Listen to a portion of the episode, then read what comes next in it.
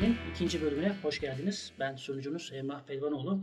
YTP Üniversitesi Türk Dili Edebiyatı Öğretmenliği Bölümü ve Türk Dili Bilimi adına programı sunuyor ve hazırlıyorum. Üçüncü pro, ikinci programda da konuğumuz e, Fen Edebiyat Fakültesinden doktor öğretim üyesi Serkan Şener.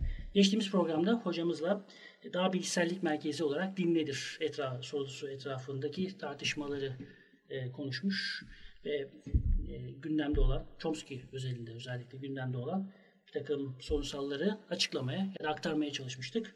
E, bugünkü programımızda ise daha 20. yüz şöyle söyleyeyim, daha filoloji lingüistik ikili üzerine duracağız. Daha kültür sonrası dil e, kuramları ya da kültür sonrası dil tanımları üzerine konuşacağız ve temelde konuşacağımız e, disiplin ise linguistik olacak. 19. yüzyılın son çeyreğinde biz edebiyat araştırmacılarının büyük oranda Saussure, Ferdinand de Saussure etrafında tanıdığı, bildiği ve anladığı bir disiplin olan linguistik üzerine konuşacağız. E, hocam ilk sorumu gene basit, e, beylik, bu nedir sorusu etrafında öreyim. E, hem bereketli soru oluyor, üzerine çok konuşulacak şey oluyor. Hem de açıklayıcı bir soru oluyor. Yani çok yani genel bir soru olacak ama hakikaten linguistik nedir? E, yani dil bilim aslında dil bilim e, sanıyorum e, bir terim olarak bakıldığında e, çok yeni bir terim sayılmaz. E, ama içerik olarak yani terimin bugün kazandığı içerik olarak düşündüğümüzde e, herhalde e, yani 19. yüzyıl e, on, evet yani 19. yüzyıldan itibaren yavaş yavaş bugün ki anlamlarını kazandığını söylemek e, mümkün olabilir. E, yani dil bilimi sanıyorum e, aynen dili e, tanımlamakta e, zorlandığımız gibi tanımlamak mümkün. Çünkü e, benzer türde sorular ve sorunlar e, burada da mevcut. Yani kim e, dil bilimci kimdir, dil bilimci ne yapar gibi sorularla da yakın ilişki içerisinde dil bilimin ne olduğu. Hocam şöyle sorayım. Hı hı, ne yapmaz? Hı. Mesela bir evet. filolog ne yapar? Evet. Bir linguistik ne yapar? Evet yani, evet. Yani nasıl ayrışırlar? Güzel. Ben de aslında tam da e, oradan girmek istiyordum tartışmaya. Yani bir bakıma e, bir karşıtlık oluşturmak belki e, mantıklı bir şey olabilir bu noktada. Şimdi e, filolojiyle başlamak gerekirse aslında filolojinin e, dille yakından ilgilendiği tartışma götürmez. Yani dil olgusunun kendisiyle yakından ilgilendiği tartışma götürmez ama genel olarak e, filoloji e, alanın doğası gereği spesifik olarak bir dille ilgilenme eğilimindedir aslında. Ve e, bu dille ilgilenmesinin temel sebeplerinden bir tanesi de aslında öncelikli olarak dili anlamak değildir.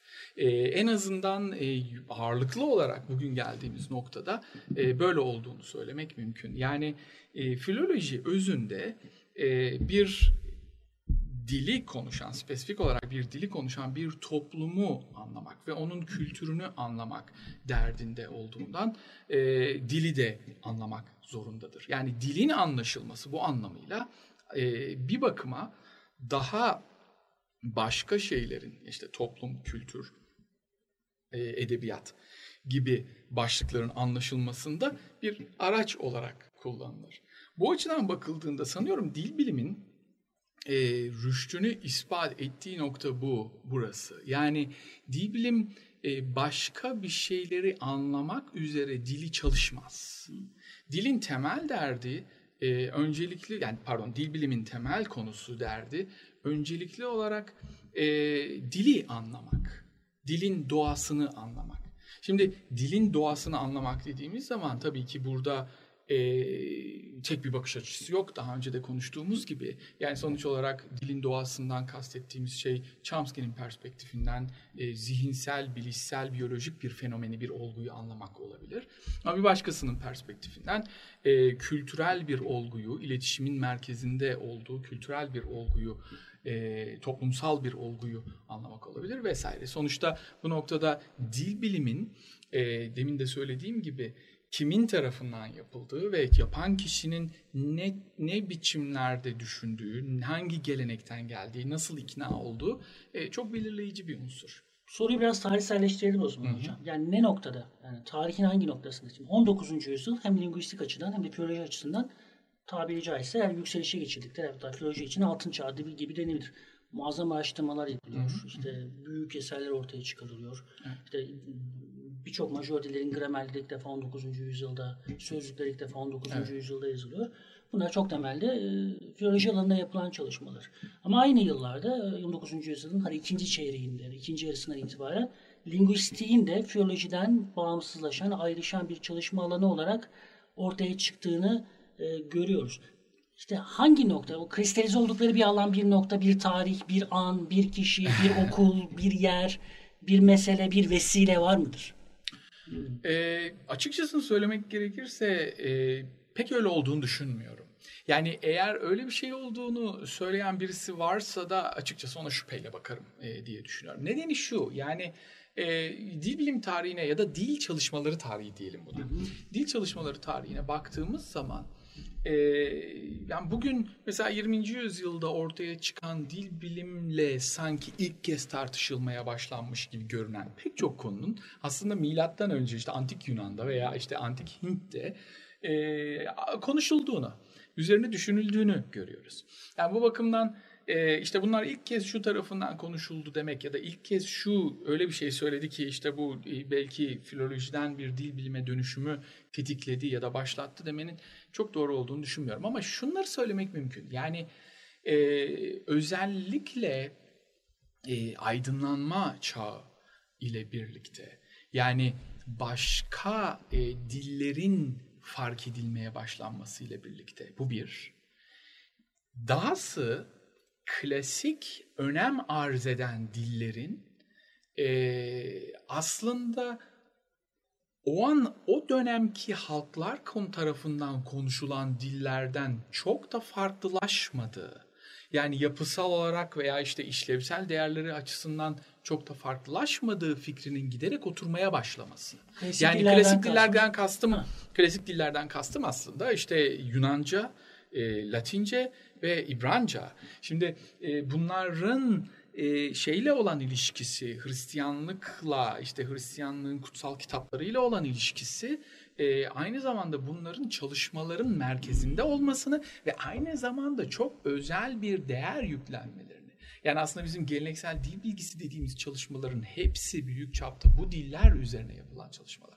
Hint de bu anlamda bir istisna değil. Yani Hint'te de Vedalar mesela bahsettiğimiz adından bahsettiğimiz Panini, e, Panini e, mesela işte Vedalar üzerine. Yani işte kutsal Hint metinleri üzerine çalışarak aslında dil bilgisi çalışmaya başlamıştı. Yani oradaki motivasyon, oradaki e, arkasında duran gerekçe e, eğer bunların dilini iyi anlayabilirsek aynı zamanda işte bunların e, yani bunları üreten işte tanrıların fikirlerini, düşüncelerini daha iyi anlama fikri. İslam'daki tefsire karşılık evet. gelen bir takım. Evet. O zaman evet. klasik anlamda filoloji bir teolojik bir çatının altında Teolojik, kesinlikle, şey yapıyor, kesinlikle, çalışıyor. Kesinlikle. Ama yani dediğim gibi şimdi tabii şeyden söz edemem. Yani teolojik boyut e, antik Yunan'da olan bir şey değil bu anlamıyla. Yani en azından bugün anladığımız anlamıyla teolojik bir boyuttan bahsedemeyiz. Ama e, ne var? İşte e, yani çok temel tartışmalardan bir tanesi ki bu bizi mesela şeye bağlayacak tartışmalardan birisi. İşte e, Sosür'ün e, gösteren, gösterilen gösterge kavramına bağlayacak şeylerden bir tanesi. Mesela antik Yunan'da şey tartışmaları var.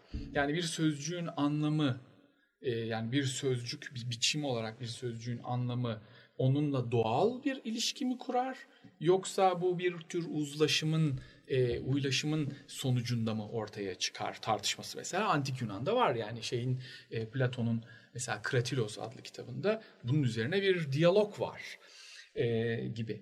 Dolayısıyla aslında e, çok klasik tartışmaların da e, bugün e, özellikle bugün demeyelim de artık bunlar çok, bunların çok tartışılan şeyler olmadığını söyleyebilirim ama 20. yüzyılın başında e, ki bazı önemli tartışmaların e, kaynaklığını oluşturduğunu söylemek mümkün. Şimdi filoloji konusuna gelince e, bu demin bahsettiğimiz işte bu klasik dillerin aslında e, düşünüldüğü kadar önemli olmadığı fikrinin oluşmaya başlaması. Tabii bu bunun sekülerleşmeyle falan yakından ilgisi var. Yani aydınlanma. Vernekülerin yükselişi. Yani Tabii aynen, aynen. Rus'un aynen. da bununla beraber belki. Aynen, aynen. Yani şeyin e, işte o e, sekülerleşme, aydınlanma çağıyla birlikte gelen düşünceler vesaire halkların konuştuğu ana dillerinin ilgi çekmeye başlaması e, vesaire e, bunlar aslında bir bakıma e, bir takım dillerin e, daha ayrıntılı olarak çalış, yani konuşulan dillerin daha ayrıntılı olarak çalışılmaya başlaması anlamına geliyor. Ama bu arada e, tabii ki gene işte o seyahatlerle yani uzak bölgelere yapılan seyahatlerin bir sonucu olarak da e, şeyler keşfedilmeye başlanıyor. Yani bu 17. yüzyılda falan giderek belirginleşmeye başlayan bir şey. E, bugün Hint-Avrupa dil ailesi dediğimiz aslında diller arasındaki ortaklıklar keşfedilmeye başlanıyor ve yani Hint e, coğrafyasında diyelim e, konuşulan işte Sanskrit ya da Sanskritçe'nin aslında Avrupa'da konuşulan dillerle işte Farsçayla vesaire olan ortaklıkları e, çok önemli bir e, çalışma alanını oluşturmaya başlıyor. Yani o bizim bugün karşılaştırmalı filoloji adını verdiğimiz alan. Fakat dediğim gibi mesela başlangıcı karşılaştırmalı filoloji diye adlandırılmasına rağmen sonraki dönemde karşılaştırmalı dil bilim teriminin de kullanıldığını görüyoruz bunlar için. Yani e, comparative linguistics teriminin kullanıldığını görüyoruz. Şimdi e, aslında burada dil bilim terimine dair bir yani İngilizce'deki linguistics e, işte Fransızca'daki linguistik, e, işte e, ne bileyim Almanca'daki Sprachwissenschaft.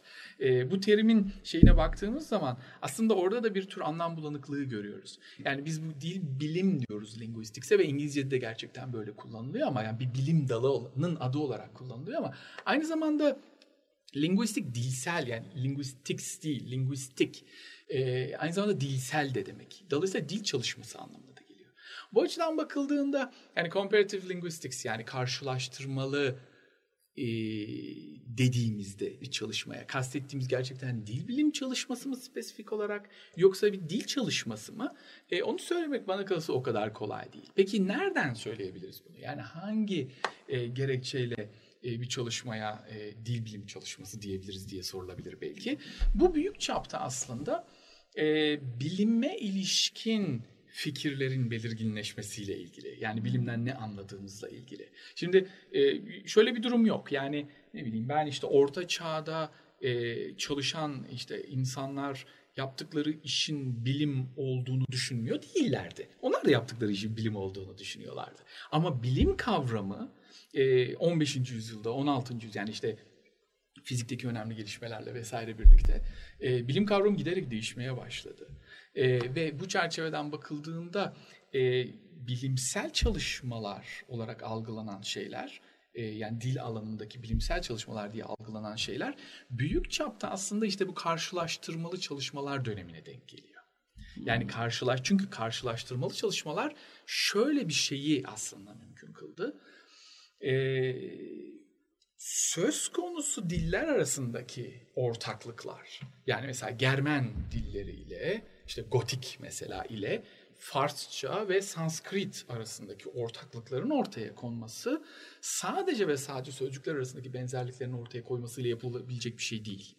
Tabii ki yani dil bilgisel boyutu var bunun. Dil bilgisel ortaklıklardan da söyleyebilir ama aynı zamanda e, e, systemic correspondence diye bir kavram var. Systemic correspondence şey kavramı. Yani bir tür sist, e, sistematik ya da dizgesel e, bağlaşım diye Türkçe'ye çevrilebilen bir şey bu. E, ses özelliklerinin bir takım kurallar e, ile değiştiğinin keşfedilmiş olması. Hmm. Yani herhangi bir dilde işte bu Hint-Avrupa dil ailesi içerisindeki herhangi bir dile baktığınızda bir başka dilde sistematik olarak seslerin e, bazen çok daha karmaşık koşullar altında ama sistematik olarak değiştiğini görüyorsunuz. Bunu ortaya çıkarmış olmak aynı zamanda bir takım ses yasalarının ortaya çıkarılması anlamına geliyor. Şimdi ses yasaları vesaire demeye başladığınız anda artık başka bir platforma geçiyor. Evet, evet, yani bilimsel alana adım attınız demektir. Neden? Çünkü artık bu empirik yani deneysel bir mesele. Siz eğer bir ses yasasından bahsediyorsanız bu şu demek. Bu bir hipotez demek. Artık o ses yasasının e, güç daha güçlü olarak e, savunulmasını mümkün kılacak verileri veya o ses yasasının yanlış olduğunu gösterecek verileri toplama şansınız var. Yani bir bakıma empirik bir bilim, görgül, deneysel bilim yapıyorsunuz. O zaman şöyle diyebilir miyiz? Yani yanlış söylersem lütfen düzelt Serkan Hocam. Şimdi diyelim ki bir filolog e, kendi dilinde, kendi çalıştığı alanda o ses yasasının e, o kendi diline özgü görünümlerini ve muhakkak tarihsel boyutuyla araştırmayı daha çok önemser. Mesela bunun tarihsel hikayesi nedir? Nereye kadar? Nerede başlar? Nereye çekeriz? Nereye güderiz? İşte elde ettiğimiz en eski formlarda, yazılı formlarda bunun bu, bu yasanın uygulamasını ya da erken dönem örneklerine dair ne şey yapıyor ve bir başlangıç hikayesi genelde filolojide aranır. Yani bir e, bir e, bir motivasyon, bir sebep, bir kültürel bir olgu orada bir yerde şey yapmaya çalışır. Linguistics için bu işin tarihsel boyutu anladığım kadarıyla çok ya da hemen hiç önemli değil. O kuralı daha çok önemsiyor. Kuralı aldıktan sonra o kuralın Almanca olmuş, İngilizce olmuş, Türkçe olmuş fark etmez. Bunun işte belli görünümlerini e, inceliyor. O kuralı alıyor. İşte bu kural Almanca'da böyle. İşte bu kural e, Türkçe'de böyle. Yani bunun genel lingüistik kaidesi içerisinde bu şekilde çalışabiliriz. O zaman filolojinin sanki biraz daha ayrıştırıcı, yani nasıl söyleyeyim, biricikleştirici. Yani her dilin kendi biricik hikayesine daha çok şey yapan bir tavrı varken lingüistiğin daha genel insani ya nasıl söyleyeyim insanın genel dilsel becerisi, insanın genel dilsel e, kültürel ilişkileri üzerinde daha çok durduğunu düşünebilir miyiz? Evet sanıyorum bunu söylemek yanlış olmazdı.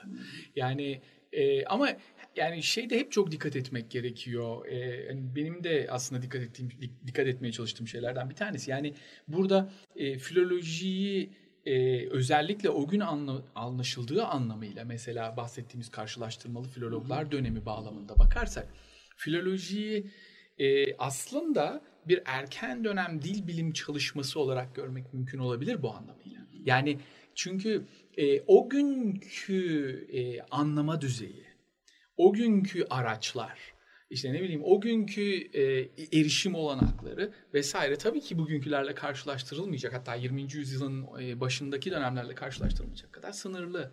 E, dolayısıyla aslında bu bunu gerçekten böyle bir şey olarak görmek sanıyorum daha doğru bir yaklaşım. Yani e, hani e, bir şey üzerinde, bir spektrum üzerinde e, birbirine dönüşen ve birilerinin aslında bir bakıma yani bunun politik ve siyasal vesaire boyutları da var tabii ki. Yani birilerinin bir bakıma aslında dil bilim kendisini dil bilim çalışıyorum e, diye sunarak böylece e, aynı zamanda farklı bir alanın üyesi haline getirme çabaları vesaire gibi şeyleri de göz ardı etmemek lazım. Dolayısıyla aslında yani filolojiyle dil o yüzden baştan da onu söylemeye çalışmıştım. Yani filolojiyle dil bilimin e, aslında hani böyle net olarak birbirinden koptuğunu e, düşünmüyorum. Ama şu bir gerçek ki dil bilimin belki en ayırt edici noktası dil bilimin temel olarak insan dillerini, doğal dillerini kendisine dert ediniyor olduğu gerçeği. E, bu anlamıyla filologlar bu bahsettiğimiz e, alan içerisinde de kalabilirler tabii ki ki vardır. Yani çok önemli filologlar var özellikle komparatif filoloji alanında. E, işte Rasmus Rusk'lar, e, Sir William Jones'lar vesaire gibi önemli isimler var. E, bu işte Grimm yasaları var meşhur mesela e, Grimm. E, ses yasalarından bir tanesi. E, Werner'in mesela ses yasası var falan. Bu insanları aslında temelde e, dilciler, dil bilimciler olarak görmek mümkün. Yani başta filolojiye atfettiğimiz o özellik vardı ya işte dedik yani e, aslında bunların temel konusu işte toplumun dil şeyi kültürünü anlamak, bir toplumun kültürünü anlamak, toplumun kendisini anlamak veya işte edebiyatını anlamak. E ama bu bahsettiğimiz filologların çok da öyle olduklarını söyleyemeyiz aslında. Ha doğru edebi metinler üzerinden de hareket ediyorlar çalışmalarında. E, belki o yönüyle e, şey yapılabilir. Ama onun dışında aslında bayağı da e, yani direkt dilleri, e, tek bir dili de değil hatta dilleri çalıştıklarını söylemek mümkün. E, bu noktada belki tam da Saussure örneği verebiliriz. Yani bir mükemmel bir filolog olarak yani bir Batı dilleri üzerinde yani Sanskritçesinden Gotik evet. dillerine bütün evet. Batı, hepsini çok iyi biliyor. Hepsine dair çok iyi temel filolojik eğitimlerini de almış. Aynen. Uzun yıllar bunların dersini de veriyor. Peki hani Saussure'u bizim bizim bildiğimiz doğru yanlış sen düzelteceksin. Bizim bildiğimiz anlamda biz kimiz? Edebiyat eleştirisinden gelenler arkadaşlar. Edebiyatla işte daha çok imhal onlar. Bizim bildiğimiz anlamda lingüistiğin yani dil bilimsel çalışmaların kurucusu olma vasfını sağlayan genel dil bilim dersi aslında o çok öldükten sonra öğrencileri Evet, tarafından evet, kitaplaştırılmış doğru, ve ömrünün belki de son 15-20 yıllık yani bütün o uzun çalışma dönemi son 15-20 yılında gelmiş olduğu bir perspektifle vermiş olduğu derslerin sonucunda ortaya çıkmış olan bir şey. Yani Saussure kendisi de aslında bir filolog olarak yetişerek Doğru. daha sonra bir e, Bence güzel bir örnek olarak- bu anlamıyla evet, anlattıklarımızdan. geriye dönük olarak lingüistik dediğimiz bir... Peki neden Saussure? Ya da Saussure tek mi? Yani Saussure'le aynı dönemde evet siz edebiyat eleştirisi fazla belki Fransa etkisinde kaldığınızdan çok e, Saussure merkeze alıyorsunuz ama aynı dönemde işte Amerika'da mesela şunlar var ya da işte İngiltere'de bu aynı konular benzer bir şeyle şu şekilde çalışılıyor diyebileceğim birileri var mı? Bir. ikincisi yine Saussure'a dönecek olursak niye peki dönüyoruz dolaşıyoruz gene Saussure'a temel kurucunun şeyi veriyoruz. Evet. Şimdi e, yani şunu e, ilk soruyla başlayalım. E, ilk sorunun yanıtı evet var. Yani e, e, Saussure'ün e, Avrupa'da e, aslında yürütmekte olduğu çalışmalar e, ki aslında ilginçtir. Mesela onunla ilgili e, yazılmış olan e, yani Saussure'ün genellikle çok ayrıksı e, çevresindeki insanlardan çok farklı düşünen birisi olduğu da söylenir. Ki bunun demin konuştuklarımızla ilgisi olduğunu düşünüyorum. Evet. Yani dönemin aslında daha çok e, filoloji çünkü filolojinin yani şey dönemleri hala yani etkin yetkin çok önemli buluşların yapıldığı yani büyük işlerin yapıldığı dönem aslında filoloji yani bu bahsettiğimiz özellikle 19. yüzyıl 20. yüzyılın başları falan. Saussure genel olarak e, aslında hareket etmiş birisi. Yani en son kendisine oldukça hareketsiz ve e, sessiz bir yer olduğu söylenen işte Zürih'teki okulu bulup gidiyor oraya yerleşiyor falan ve yani yazmıyor da aslında e, dediğin gibi kitabı da öldükten sonra öğrencileri yazıyor. Yani sanıyorum e, bayağı ayrıksı bir figür. Vardır böyle figürler e, çok. E, e, ama şunu söyleyebiliriz net olarak Saussure'ün düşünceleri ki biz bugün genellikle Avrupa yapısalcılığı olarak kabul ettiğimiz fikirleri aslında baş, başlatan e, yani e, genel dil bilim dersleri kitabında çerçevesi çizilen fikirleri başlatan kişi olarak anıyoruz. Ama diğer yandan e, Amerika'da da mesela bir Amerikan yapısalcılığı e, var. Ve Amerikan Aynı yapısı- kavram mı kullanıyorlar? Mesela Chomsky, şey, Chomsky diyorum, şey, Chomsky kullanmıştık. E, strüktürü kullanıyor. Yani bir bunu önemli bir hani kendi teorisini açıklayıcı temel bir şey olarak kullanıyor.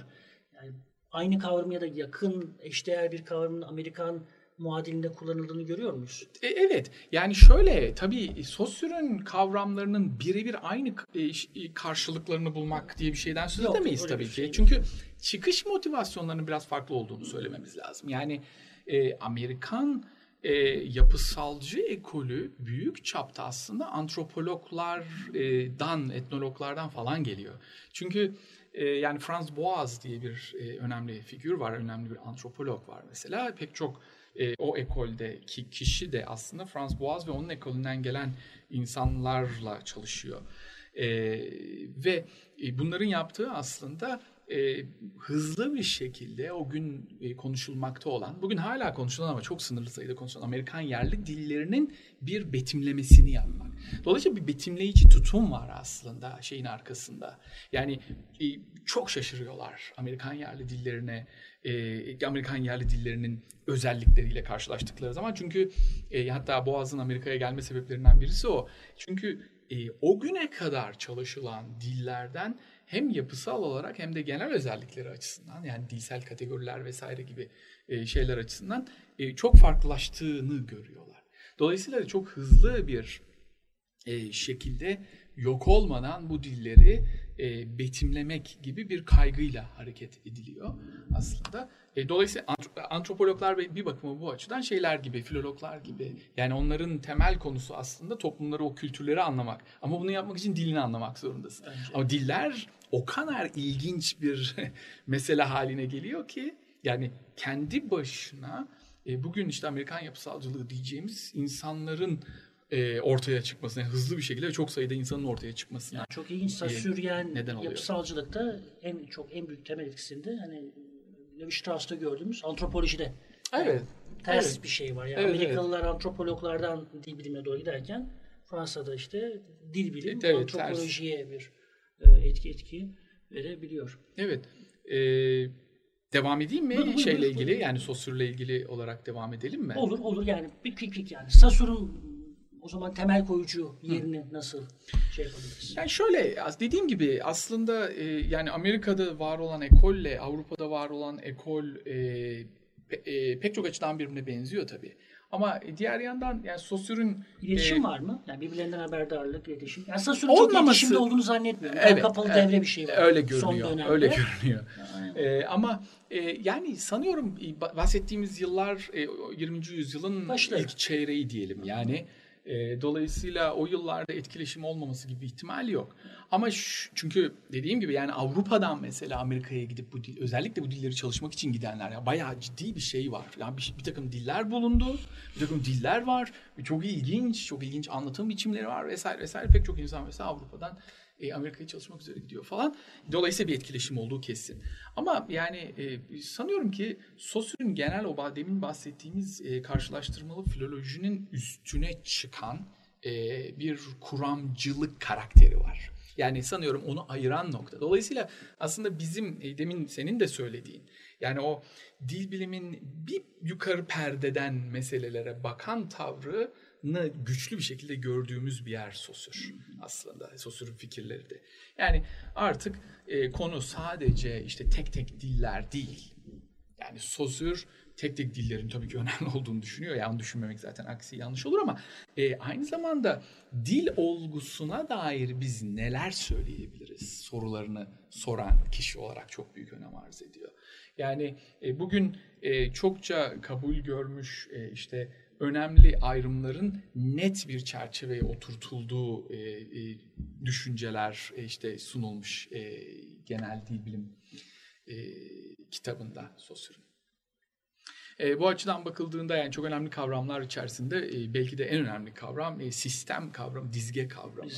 Yani sonuç olarak dilin bir dizge, bir sistem olarak görülmesi gerekli gerekliliği ve dilin e, dili oluşturan daha küçük parçaların o sistem içerisinde bir anlam kazandıkları bir değer kavramı mesela değer kazandıkları fikri e, Saussure'un aslında yapısalcı fikrinin merkezinde yer alan e, konu.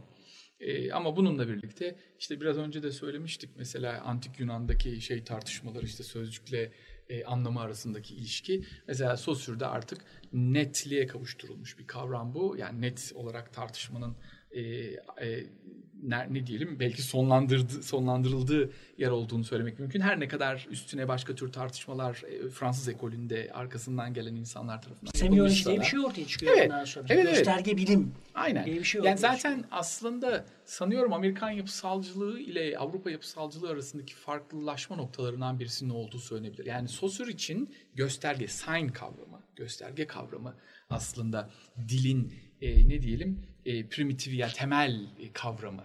Dillerin temel kavramı gösterge. E, Saussure'e göre gösterge bir gösteren ve bir gösterilenden oluşuyor. İşte gösteren aslında ses boyutunu ama ses boyut derken bu duyduğumuz şey değil. Zihnimizde uyanan imaj, sesin imajı ya o yüzden e, ses imajı diye de adlandırılır genellikle gösteren. Zihnimizdeki imajı. Tabii ki yazılı sistemlerde bir yazılı imajla oluşabilir zihinde.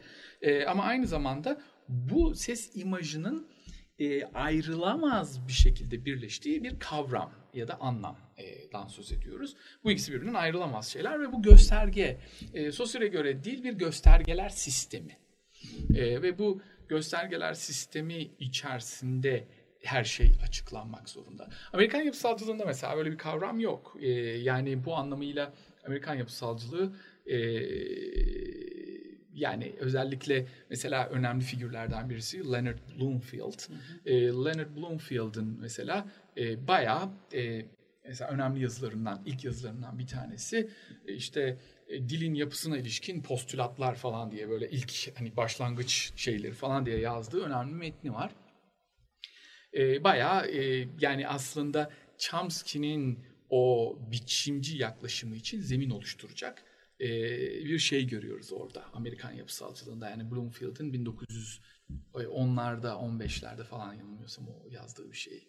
E, sonrasında onun da e, dönüştüğünü farklı biçimlerde, e, farklı fikirlere e, tutunduğunu görüyoruz. Onda da farklılaşmalar olduğunu görüyoruz ama bu anlamıyla Saussure zaten ne yazık ki e, hiçbir zaman kendi fikirlerini geliştirecek veya ona karşı çıkanlara karşı savunacak şansa sahip olamadı. Çünkü kitap dediğin gibi yani sonra dilin yayınlandı. yapılanması konusunda ortaya koyduğu muazzam ve net, netlikteki analitik yaklaşım tabii daha sonra Fransa'da çok çok, çok temel özellikle ve Fransa'nın merkezinde olduğu 20. yüzyıl edebiyat eleştirisi sahnesinde çok temel bir yer elde etmeye başladı. Mesela Lacan diye bir adam çıkıyor. Bil, e, dil, e, bilinç dışı dil gibi yapılanmıştır diyerek e, Freud ile Saussure'u bir araya getirip bambaşka bir Evet. psikanalitik, bambaşka bir psikanalitik boyut getiriyor. E bir yandan Levi Strauss'tan bahsettik. Antropoloji, e, kültürleri anlama bağlamında. Roland Barthes gibi bir figür, modern edebiyat, edebiyat figür, e, şeylerinin, göstergelerinin ki bunların içerisinde moda dergilerinden e, Balzac'ın öykülerine kadar ki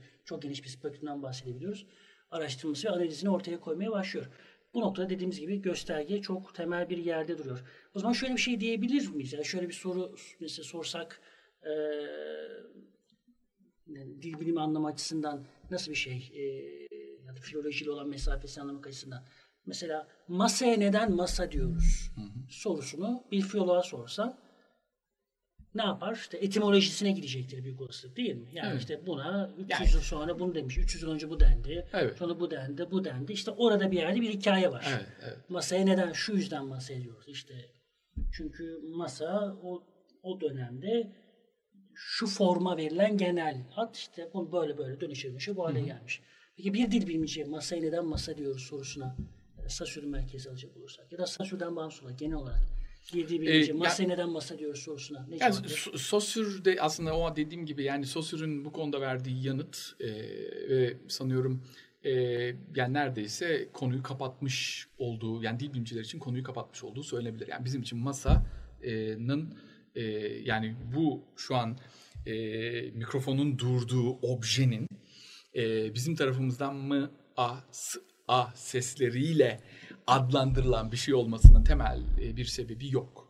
Bizim için bu tamamen uzlaşımsal E, ve e, bunun tarihsel gelişiminin de bize bir şey kazandıracağını e, düşünmüyoruz dil bilimciler olarak. Yani şu anlamda kazandıracağını düşünmüyoruz. Dediğim gibi aslında bu tartışmalar zaten e, işte Platon'un Kratilos'unda bulunabilecek tartışmalar zaten. Ama ne var? Mesela şunu görüyoruz. Yani Platon'un Kratilos'unda ta- başka tartışmalar, arkasından gelen dönemde başka tartışmalar. Ama giderek aslında e, şeyi görüyoruz. Yani uzlaşımsalcı fikirlerin giderek belirginleştiğini görüyoruz aslında zaman içerisinde. Ama ondan sonra arada bir takım kopukluklar var. Yani ilginç bir şekilde o kopuklukların tekrar e, bazı tartışmaların merkezine oturması işte ne yazık ki Saussure kadar be- bekliyor. Çok garip yani bir yanı. Ha bu tartışmalar hala yok mu? Orta çağda da var mesela tartışmalar. E, ama ne var? İşte Platon'da mesela e, bir sözcüğün ilk e, yani söz daha doğrusu şöyle yani e, herhangi bir anlam ya da objeye e, verilen ad e, sorunu daha çok e, yani işte bir tanrısal bir ad vericiye atfedilmiş bir şey. Dolayısıyla ancak ve ancak bir felsefeci yani felsefeci vasıflarına sahip birisi gerçekten onu takip edebilir, o izleri takip edebilir ve Tanrı'nın ya da tanrısal bir varlığın, bu arada Tanrı bizim e, yani se- semavi dinlerde falan anladığımız türde bir Tanrı değil. Platon'daki.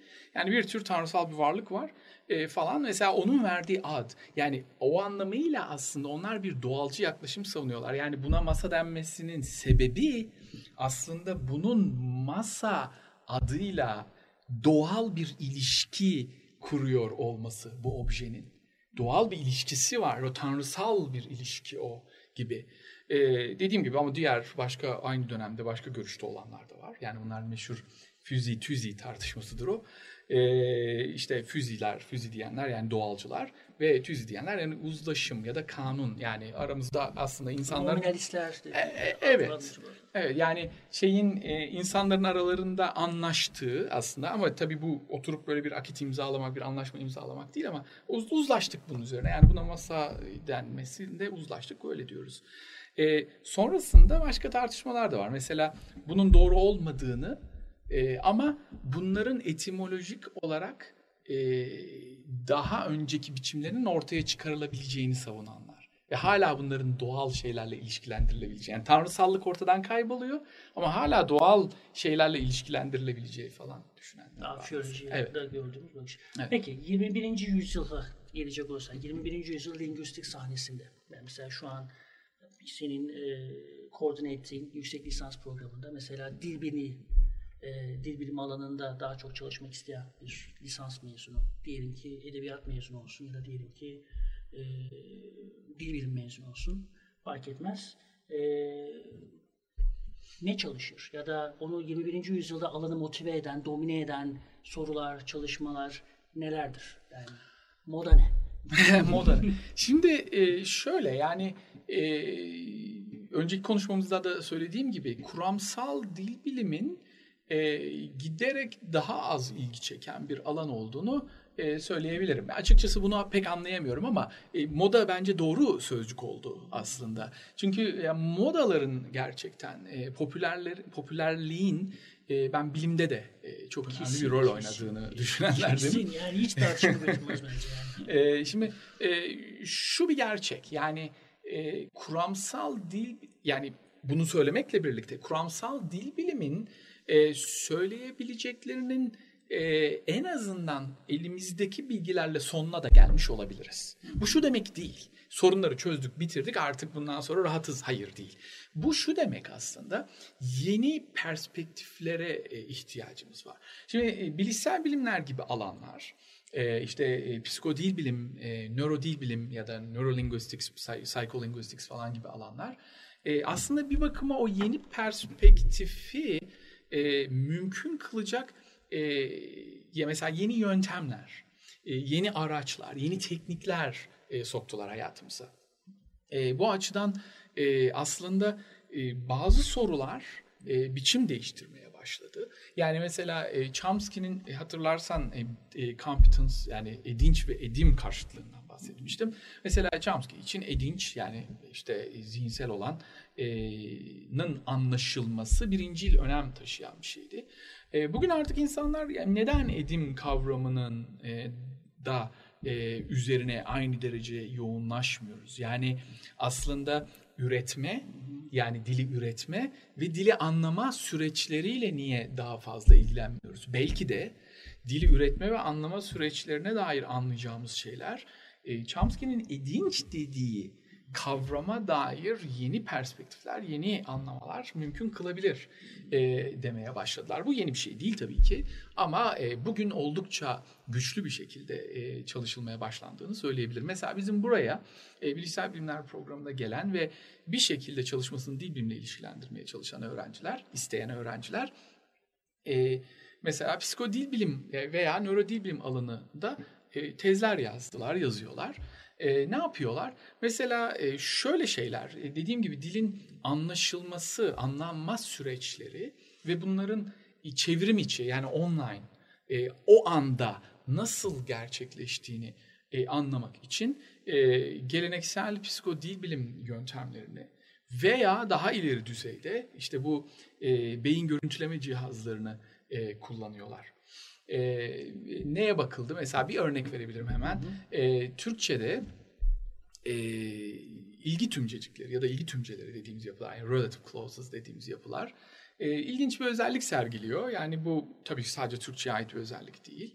Ama İngilizce'den ayrılan bir özelliği var. Mesela e, özne ilgi tümceleri ve işte özne dışında kalan ne, nesne ilgi tümceleri diyelim birbirinden yapısı olarak farklılaşıyor. Yani e, ne diyelim işte adamın gördüğü kadın e, ve adamı gören kadın. Şimdi birisinde adamın gördüğü kadın değil mi? Yani yapı olarak farklı. Diğeri adamı gören kadın. Birisinde dık var, birisinde an var falan. Farklı bir biçimsel görünüm var. E, bunların mesela İngilizce gibi dillerde e, ki İngilizce'de mesela böyle bir biçimsel farklılık yok. Sözcümsel farklılıklar var ama böyle bir biçimsel farklılık İngilizce'de yok. Yani the man who saw the woman e, ya da işte the man e, that the woman saw. E, gibi Türkçedeki ayrım İngilizce'de farklı bir yapıyla ifade ediliyor ama şey yok yani bir biçimsel farklılık yok. Şimdi İngilizce'de mesela bu iki yapının e, işlemlenme süreçlerinin yani zihinde o anda duydu, duyulduğu andaki işlenme süreçleri arasında farklar olduğu ortaya konmuştu. E, biz mesela bunun, e, bunu ilk yapan biz değiliz ama çok az yapıldı. Bir ya da iki çalışma vardı yanlış hatırlamıyorsam çevrim içi çalışma olarak söylüyorum. E, aynı türde e, farklılıkların mesela zorluk kolaylık farklılığının e, Türkçe'de olup olmadığına baktık. Yani bir tanesi e, psikodil bilim çalışmasıydı. Mesela reaksiyon e, reaction time ya da işte e, reaksiyon zamanı çalışması adlandırılan türde bir çalışmaydı. Yani burada işte birisi bir şey okumaya başlıyor e, yani bir bilgisayar ekranında bir şeyleri okumaya başlıyorsunuz. Tek tek sözcükler geliyor ve bazı sözcükler üzerinde diğerinden diğerlerinden daha fazla duruyorsunuz. Eğer bunun e, anlamlı bir istatistiki şeyi varsa e, buradan bir takım sonuçlar çıkartıyorsunuz. Gerçekten de mesela e, belli yapı, yapıların hepsinde belli bir yerde bir takım farklılıklar olduğu, bir takım zorluklar ortaya çıktı, fark edildi. Ve zorlukların ilginç bir şekilde yapısal olarak Türkçe ile İngilizce çok birbirinden farklı olmasına rağmen görüntüde e, İngilizce ve Türkçe'de aynı türde, aynı şekillerde olduğu ortaya çıkarıldı. Şimdi e, buna benzer çok çalışma var. Yani bu spesifik olarak bir yapıya baktı Türkçe'de tabii ki. Ama e, tabii bu çalışmaların hepsi aynı zamanda başka dünya dilleri üzerine yapılan çalışmalarla da e, karşılaştırmalı bir e, zemine oturtuluyor. Bilişsel çalışmalar çatısı altında yapıldığı için tabii ki hani disiplinler arası evet. bir bağlamda. Evet. İşin içine tıbbın, psikolojinin, işte bütün o beyin görüntüleme teknolojilerinin de evet. o teknolojilerin efektif kullanılmasının da girdiği çok multidisipliner bir alandan bahsediyoruz. Evet. Sanırım bu anlamda artık hani herhangi bir saf disiplin sürecin artık bunların sonuna geldik diyebiliriz. Yani ne yaparsak Şimdilik yapalım. Öyle. Evet. Yani evet. Saf lingüistik yapıyorum. Saf tıp yapıyorum. Saf ne bileyim gerçi tıpçılar yine buna itiraz edeceklerdir ama e, ne bileyim saf mühendislik yapıyorum diye bir şey artık çok söz konusu değil evet, gibi. Evet. Bu alan içinde geçerli. Serkan Hocam çok teşekkür ediyorum. Ben çok teşekkür sağ olasın. ederim. Çok e, şeyler öğrendik senden. Seni ağırlamak bir zevkti. E, bir dahaki programda iki genç filolog adayıyla beraber filoloji ve özelinde de Türkolojiyi konuşacağız. E, bir dahaki programda görüşmek üzere. Esen kalın.